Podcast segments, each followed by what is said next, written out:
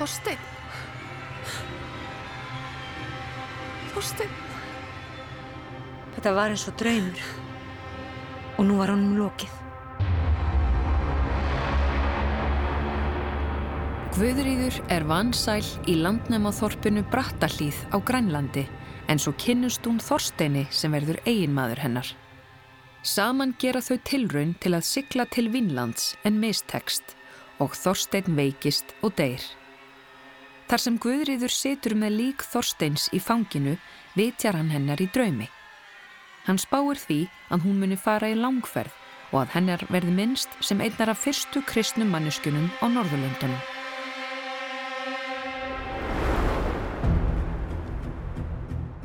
Ekkert bendir þó til þess að spádómur Þorsteins muni rætast. Eftir dauða hans rekur fyrstum sinn hvert ólánið annað. Fadir Guðríðar deyr og hún stendur einstæð uppi. Sem Kristinn ekja í þorpinu að hún erfitt uppdráttar.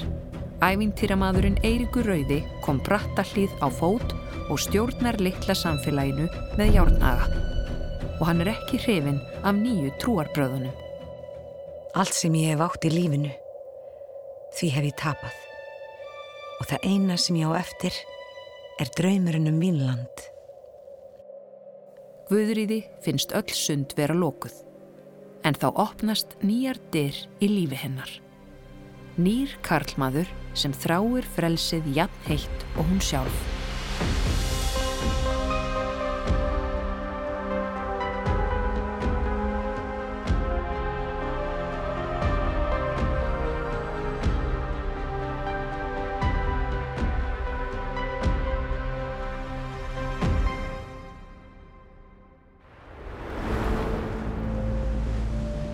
Þú ert að hlusta á Víkinga og setni hluta sögunar af Guðriði Þorbjörnardóttur. Sólin er hátt á lofti yfir norður Allandshafi. Guðriður stendur í stafni. Við hlið hennar byrtist herðabreiður maður með rautt skegg. Hann pýrir skær augun og leggur armsinn um axlir Guðriðar þar sem þau sigla út úr flóa við söðurströnd Grænlands. Hún tekur um höndans. Þetta er íslenskur kaupmaður að nafni Þorfinnur Karlsefni. Þetta var hann kallaður vegna þess að hann var góður maður og fítni fjölskyldu. Og já, það var hann sannarlega. Hann var ævintýragjart, hann vildi, þorði og gat. Og ég vissi að hann geti komið með mér til Vínlands.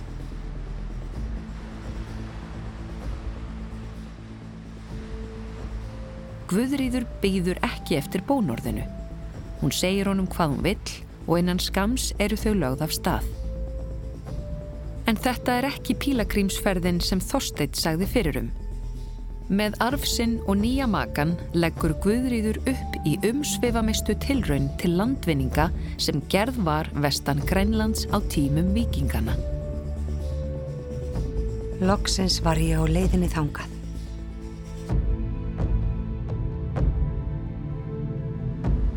Áður en ferðalagið hefst hafa þau fengið til liðs við sig samferðafólk, látið sauma segl og smíða ný skip.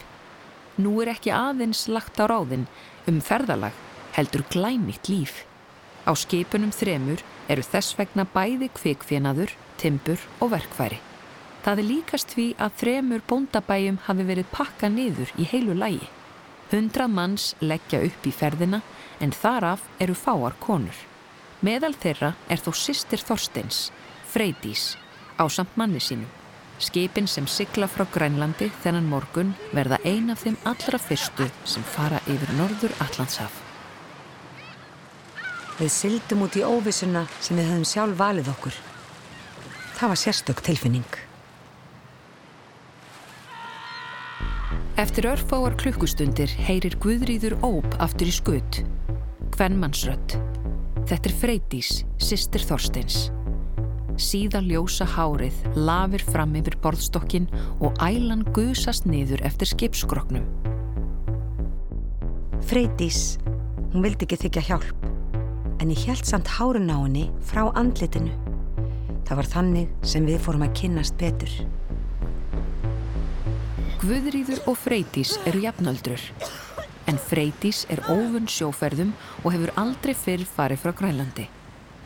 Hún heldur sig því þjætt við hlið Guðríðar sem hjálpaði henni að búa sig fyrir ferðina og nú með sjóveikinu. Herra, ég þarf enga hjálp.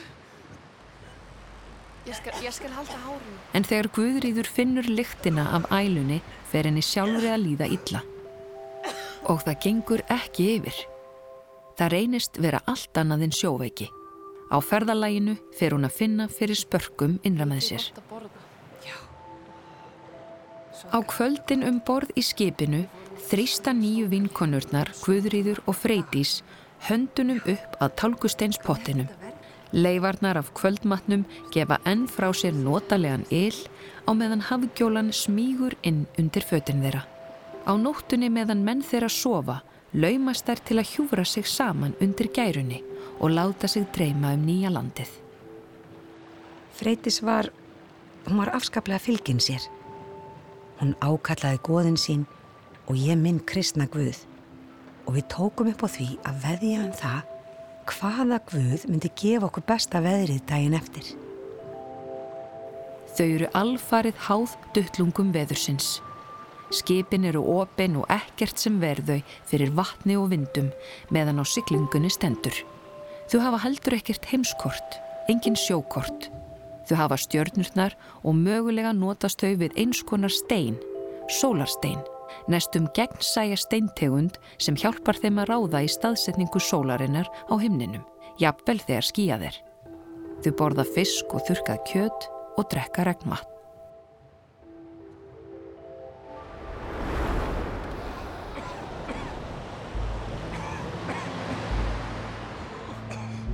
Í skipinu er fnikur af ælu og úldnu kjöti. Eftir tvær vikur á sjó hafa margir dáið úr sjúkdómum sem smitast manna á milli um borð. Guðrýður reynir að fanga augnar á Þorfinns. En hann horfir saman bitin út á hafið. Þau eru öll meðvituð um að ferðin hefur tekið lengri tíma en reiknað var með. Leiðangurinn hefur rekið allt of langt í norðurátt og þau finn ekki annað en óbyggilegar eigur. Þá fyrstu kalla þau Helluland. Hún samanstendur aðeins af hrjóströgum klettum. Þegar þau svo leita í söðurátt er ströndin þakin þéttum skógi. Á nóttunni dreymir Guðríði að skipið falli fram af brún heimsins. Hún vaknar með sveima. Hún er við það að glata voninni um að þau komist nokkur tíma aftur á þurrt land. Það er þoka þennan morgunin og slæmt skegni en gargið í máfunum þýðir að þau eru nærri landi. Guðrýður sefur enn þungum svefni undir gærunni. Vaknaði Guðri, sjáðu. Sjáðu. Ég var svo hræðilega þist. Ég sá ekki skýrt. Það eina sem ég sá var að Freyti stóð og benti í átt að tveimur óljósum deplum og það tók mynd álið að stund að átta mig. Þetta var bara svo óraunverulegt að þetta væri raun og veru kovarnir sem Leifur Eiríksson reisti. Þetta er Vínland.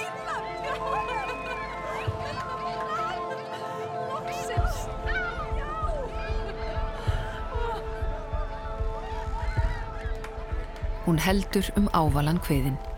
Þau hafa silt yfir hið mikla haf, milli ísjaka og skerja. Þau bar af leið en þau sildu áfram og nú eru þau loks komin til Vínlands.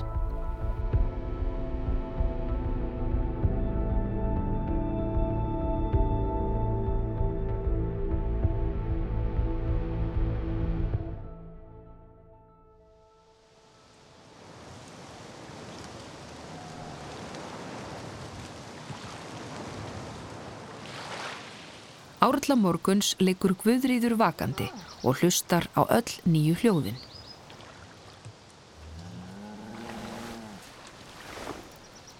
Hún sér Freydísi læðast út til að sækja vatn. Nú eru þau stödd einhver staðar á því svæði sem þau kalla Vínland í austur hluta Kanada. Þau hafa byggt sér einföld tréhús úr rekaviði og timbri. Neður úr þakinu hanga tætt segl sem þarf að bæta. Guðriður, vaknaðu, vaknaðu, það er verið að ráðast á okkur. Vaknaðu. Förum á fætur. Það er Freydís sem æpir. Þorfinnur dregur upp boga. Hver hleypur um annan þveran. Guðrýður klöngrast á fætur, ber hendur upp að augum, líkt og kíki og horfir niður í víkina þar sem nokkrir bátar nálgast. Langir og mjóir eintrjáningar, klættir skinni, karlar með spjót. Þetta er í fyrsta sinn sem Guðrýður og fólkið hennar átta sig á því að þau eru ekki einherna. Um leið og þau hinn hlaupa út, nær Guðrýður að hugsa sig um. Hún snýr sér að þorfinni og segir Ég held að við ættum að mæta þeim með friði. Við vissum jú ekki hvort þeir væru óvinnur okkar, eða ekki. Þorfinnur horfði á mig eins og ég var í gengir af göblónum. En þá saði ég, við verðum að komast að því hvað þeir vilja. Þorfinnur yppur aukslum en Freydís sem er komin með sverð í hendurnar gefur sig ekki. Guðin þinn verndar þig kannski en ég verð að verja mig sjálf. En Guðrýður gengur niður að vatninu á undan þeim. Hún hefur kvítan skjöld á loft til að helsa þeim ókunnugu. Auðvitað var ég að tefla á tvær hættur, en ég var forvitin. Nú eru bátarnir nestum komnir að ströndinni. Frumbyggjarnir virða fyrir sér nokkra af fyrstu en sannarlega ekki síðustu landnumónum á heimaslóðum þeirra. Svo snúa þeir við.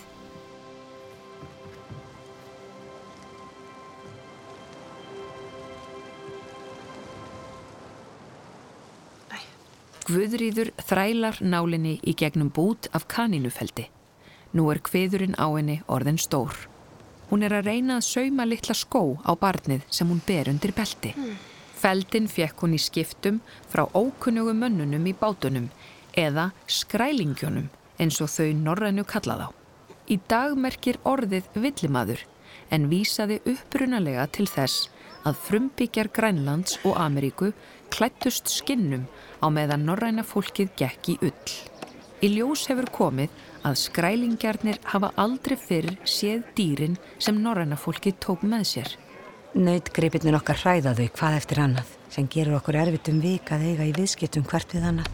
Eftir nokkrar mislukkaðar tilraunir tekst þeim þó að koma á vöruskiptum sín á milli. Norræna fólkið og skrælingjarnir hittast á ströndinni og hafa skipti á varningi með hjálp handarhefinga og tónfalsins í röttinni. Guðrýður missir nálina. Samdráttarstingur fer um allan líkamann. Hún nýgur niður og finnur vatnið fossa út úr sér. Það er komið að því.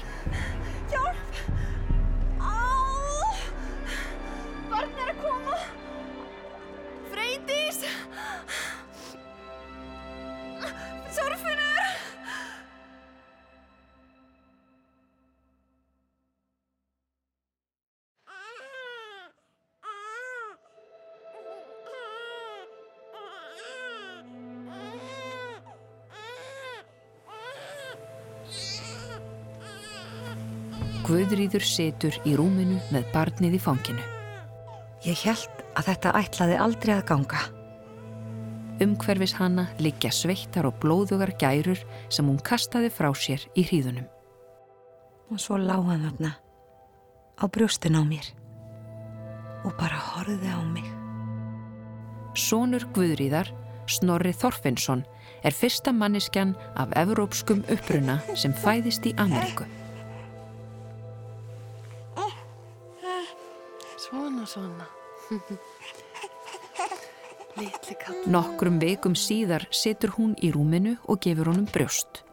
Skyndilega stendur kona frammi fyrir Guðrýði. Hún er lágvaksinn og feitlægin með stór augu. Guðrýður styrnar upp. Þetta er konan sem hún er vönað eiga í vöruskiptum við. Kona höfðingjans. Þetta var dálítið ónáttúrlegt. Ég var hrætt. Þau höfðu aldrei fyrr komið inn í búðurnar til okkar. Guðrýður horfir tauga óstyrk á hana en konan sínir Guðrýði engan áhuga heldur beigir sig forvitin yfir barnið. Þung lykt af svita og sætum reik loðir við hana þar sem hún virðir fyrir sér bleikan krumpaðan kroppin, neglurnar, jafn þunnar og pappir og dúnin á kollinum. Svo tegir hún litla fingurinn upp að hönd drengsins. Barnið grýpur um fingurinn, nær þó varla utanum hann með sinni agnar litlu hendi. Konan bendir á Guðríði og brosir. Guðríður bendir á sjálfa sig. Ég heiti Guðriður. Hvað heiti þú? Konan reynir að herma eftir henni. Gu, gu, gu,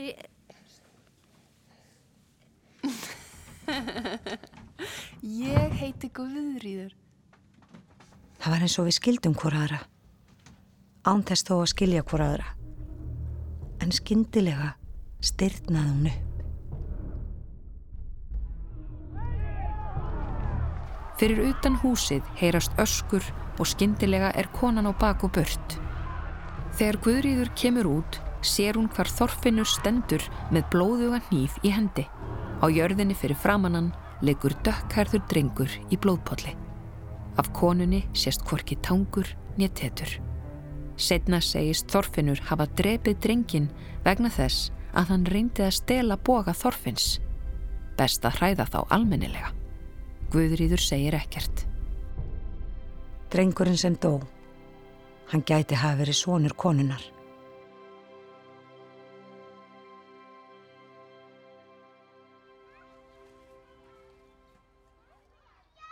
Þrjú ár líða og snorri vex og dafnar og hleypur um á milli húsana.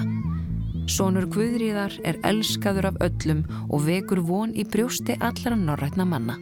Freydís er líka orðin barnshafandi og arkar stoltum búðirnar og stríkur stóran kveðin. En þrátt fyrir þetta hafa framtíðar horfurnar á Vínlandi versnað. Þegar þau reyna að stækka landið sitt, uppgöta þau að á landinu er þegar búið. Það er sama hvert þau fara. Hvarvetna hitta þau nýja flokka skrælingja. Tortrygnin milli hópana færist í aukana þegar norræna fólkið neytar að láta vopsín í skiptum fyrir annan varning og þegar það á endanum tekur fyrir að versla nokkuð meira við skrælingjana. Guðrýður fréttir að menn Þorfinns drepi óbáðna gesti sem þeir rekast á í grend við búðirnar. Á nóttunni sefur hún þjætt upp við snorra. Hemdar ógn liggur í loftinu. Ég er svo hrættum að það kom eitthvað fyrir hann.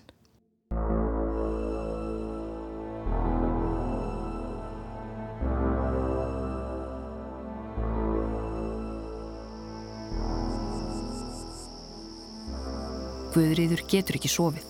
Hún verður að fara á fætur og pissa. Hún læðist út í rakt næturloftið og sest á hækjus sér fyrir utan húsið. Heiminin er dimm blár með mörgum lögum af stjörnum. Hún rekkur í kút. Hvað var þetta? Guðrýður situr kyrr í hnibri. Svo sér hún eitthvað koma fljúandi í áttil sín. Stór steinn lendir skamt frá henni og hann rógar. Síðan heyrur hún fótatak. Það eina sem ég get hugsaði mér snorri. Ég verð að vernda hann. Þessi vopn skrælingjana hefur ekkert þeirra séð eða heyrt um fyrr. Þau eru umkrymt. Ofsarhæðisla grýpur um sig og þau norrænu taka á sprett í burtu frá búðunum, halvnakin og varla vöknuð. Brennandi steinunum rignir yfir búðurnar þar sem þeir kveikja í grasinu og skella á ungu manni sem fellur í jörðina. Hjálp!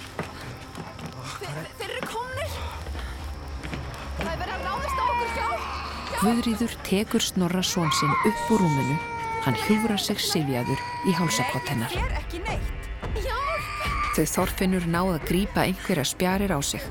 Guðrýður hvæsir, flýttu þér Freydís, en Freydís fer hverki. Og svo segist hún vilja fá sverð. Freydís er frávita af bræði. Kas ólitt á áttunda mánuði þrammar hún fram og tilbaka um húsið. Guðrýður og þau hinn skilja Freydísi eftir og hlaupa í átt að skipinu. Guðrýður býst við að hún komi á eftir þeim á hverri stundu. Og ég basla við að halda honum undir kjólnum mínum svo hann hafi hljótt og hægt að gráta. Og sama tíma og ég reyna að sjá hvar Freydís sé. Svo sér hún hana. Freydís hefur rasað um líkið af unga manninum. Hún liggur í jörðinni og í kringum hana standa skrælingjarnir með vopn á lofti. Það blikar á augu höfðingjans í skinni kindlana. Nú er út um Freydísi. Hugsa ég með mér. En þá stendur Freydís upp með sverð látna mannsins í hendinni. Hún sviftir náttserknum frá sér svo að glansar á stóra ávala kviðin í bjarmanum frá eldinum. Svo slær hún sverðinu á brjóst sér.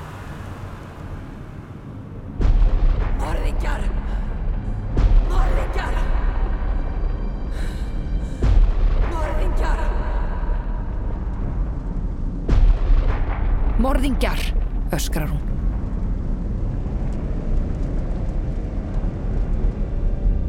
Eitt andartak hljóðnar allt.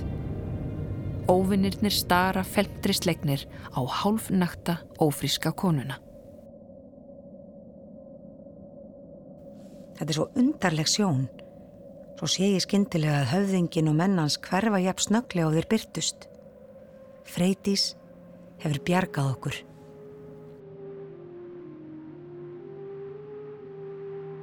Guðriður andar léttar og sleppir takinu á snorra í fyrsta sinn síðan þau vöknuðu.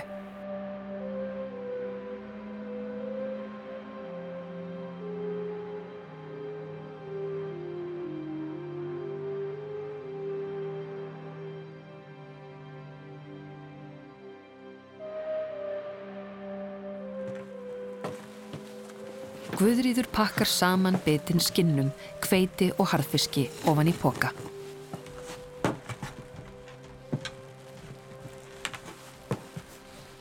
Ég var svo vonsveikin. Mér langaði bara að öðlast betra líf, en það fór ekki svo. Nú vildi ég bara fara heim, til Íslands, til skíjana, grænu grundana og kindana.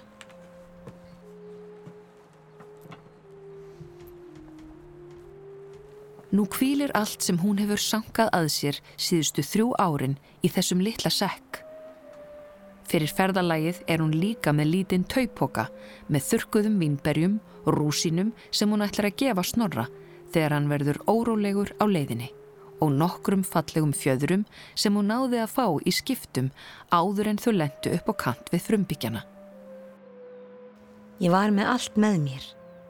Það eina sem ég ekki fann voru saumnálinn og snældusnúðurinn sem ég fekk frá Halldísi.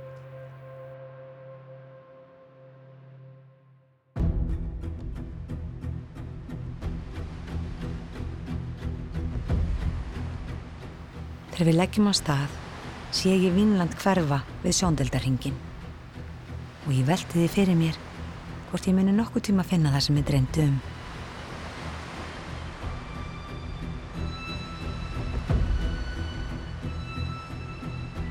Guðrýður mun aldrei snúa aftur til Vínlands en ferð hennar heldur þó áfram rétt eins og Þorstein maður hennar spáði fyrir svo löngu síðan. 20 árum eftir Ameríkureysuna stendur Guðrýður aftur í skipstafni. Íslands strendur eru framundan.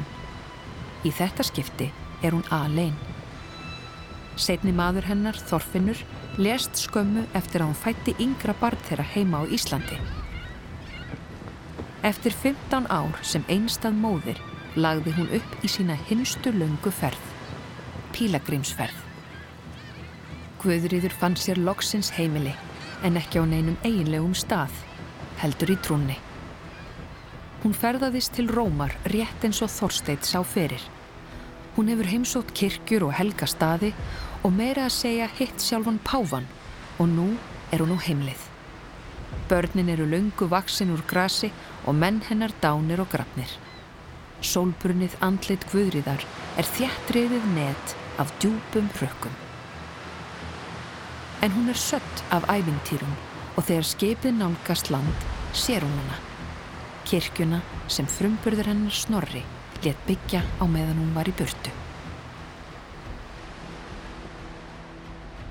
Guðrýður Þorbjörnadóttir öðlaðist aldrei fræð sem fyrsta konan til að sigla yfir Allandshafið. En það getur hún vel hafa verið og afar líklegt verður að teljast að hún hafi ferðast víðar en nokkur önnur kona á vikingatímum. Við erum komin aftur til Vínlands.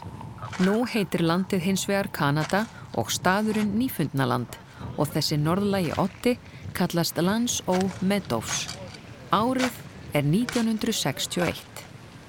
Norski landkunnurðurinn Helge Ingstad og kona hans, fordleifafræðingurinn Anne Stein Ingstad, grafa hvort með sinni skóplunni eftir merktri slóð í jarðveginu.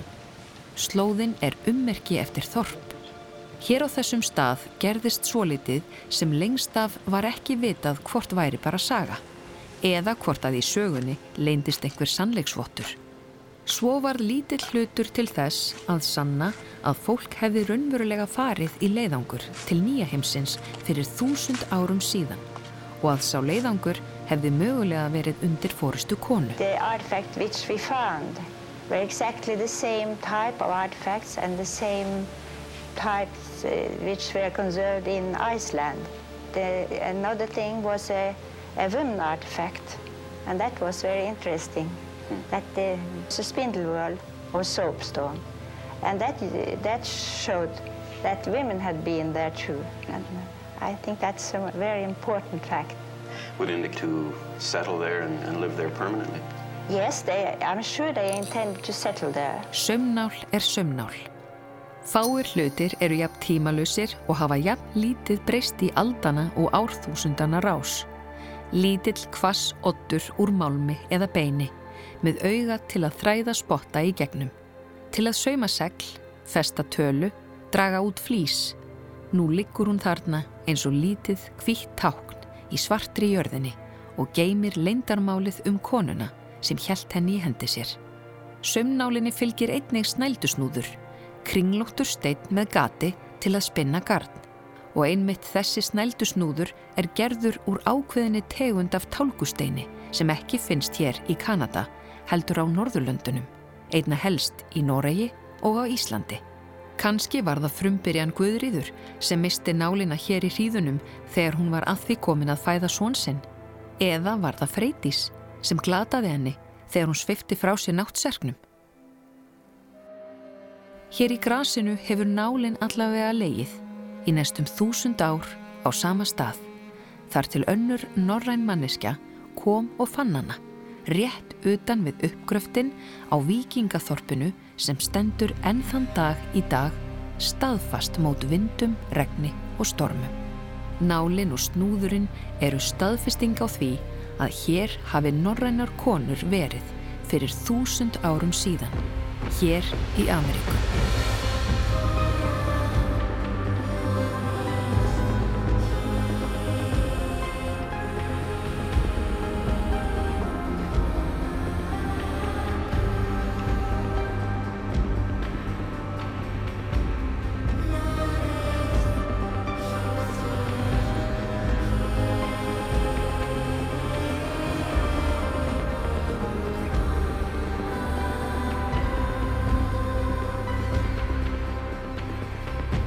Hlusta á Vikinga og setni hlutasögunar af Guðriði Þorbjarnardóttur. Lesari Tinnar Hapsdóttir, í hlutverki Guðriðar var Margrét Vilhjálmsdóttir. Leikstjóri Tinnar Hapsdóttir. Tæknimaður Gísli Kjaran Kristjánsson. Tónskáld Matti Bíe. Þýðandi Salka Guðmundsdóttir. Í næsta þætti heyrum við af konungsdótturinni Ingi Gerði Ólafsdóttur. Hvað sem hún gerir mun hún svíkja annan af þeim tveimur mönnum sem henni þykir vænstum í öllum heiminum. Föður sinn eða mannin sem hún elskar. Tveir konungar, hvor í sínu ríki. Og svarnir óvinnir.